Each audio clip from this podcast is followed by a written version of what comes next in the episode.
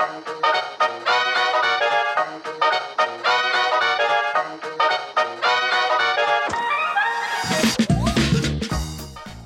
til Kulinarisk ølprat, podkastserien der du kan lære mer om øl og mat. Mitt navn er Jørn Idar, og jeg håper du eh, er klar for å gi ølet enda mer plass på matbordet.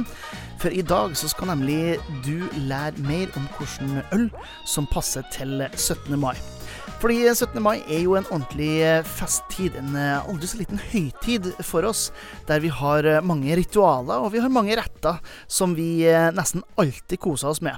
Så jeg tenkte jeg skulle prøve å gi deg et par konkrete tips til øl som passer smaksmessig til de her. Fordi det er å, er litt viktig å understreke det at øl som passer til mat, er ikke alltid et smaksmessig kombinasjon. Det kan være at det var en følelsesmessig eh, kombinasjon òg. Så for de av dere som har på en måte en rituale eller en go-to som dere alltid nyter på 17. mai, så er det helt greit. Men jeg tenker jeg skal gi dere et par konkrete guider i forhold til hva som kan smake godt sammen når det kommer til de klassiske eh, matrettene man spiser på 17. mai. Eh, jeg begynner med kanskje den store klassikeren eh, av de alle, nemlig eh, pølse. Og vi spiser helt latterlig mange millioner pølser i løpet av denne tida. Og det er jo gjerne det her litt sånn her enkle, rene Eh, lavt fettinnholdelige grillpølsene hvis du er litt lenger nordpå, eller wienerpølse hvis du er litt lenger sørpå. Eh, tilberedt på litt forskjellige måter, men det er i hvert fall pølse uten veldig mye smakskonsentrasjon. Derfor er det viktig å velge en øl som eh, heller ikke har for mye intensitet, for da vil en overta eh, smaksbildet totalt. Derfor er mitt eh, forslag til denne typen pølser det er å gå over en, eh, en, god, gammeldags pilsner. Det kan gjerne være fra de store bryggeriene. De har perfeksjonert denne stilen. Eh, kan være noe importert. Det er helt opp til det. Eh, men uansett, velg en pils som er forfriskende og litt mild eh, i smakene, sånn at det overtar smaksbildet helt.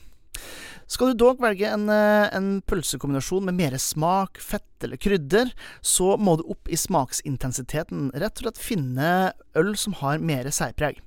Her vil eh, typisk en pale ale eller en IPA med litt eh, bitterhet være eh, klare kombinasjoner som, som, jeg tenker, i hvert fall, når det kommer til det her.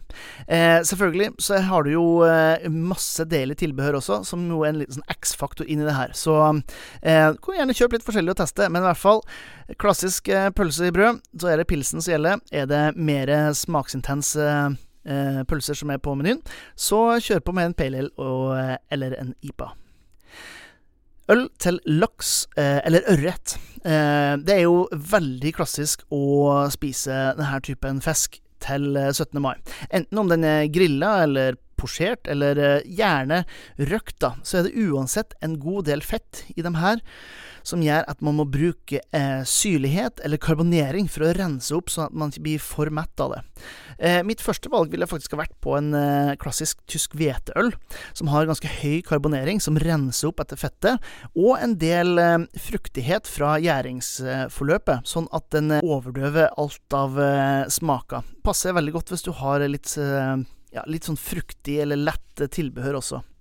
Hvis du vil gå deg litt mer syrligere veien, så ville jeg sett etter en gåse uten for mye eh, tilsetninger, uten frukt og den typen ting.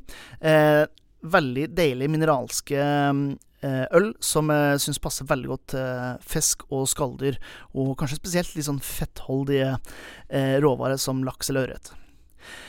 Øl til spekemat. Altså, spekemat har utvikla seg enormt, synes jeg i hvert fall de siste ti årene. Fått en enda høyere kvalitet, et større utvalg eh, og mye mer variasjon.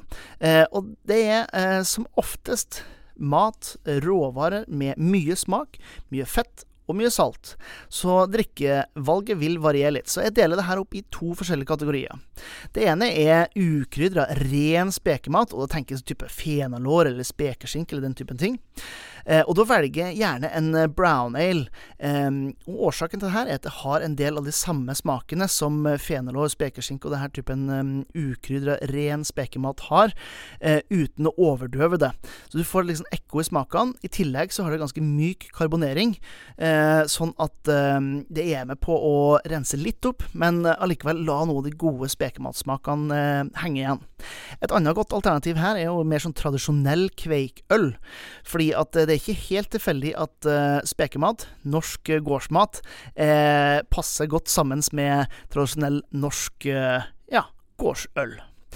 Kjører du litt mer sånn smaksintens eh, spekemat, type salami eller chorizo eller den typen ting, så trenger du òg eh, en øl som har litt mer særpreg, litt mer smaksintensitet og gjerne mer friskhet. For at krydder og mer smaksintensitet gjør at man må få litt friskhet for å lette litt på smakene.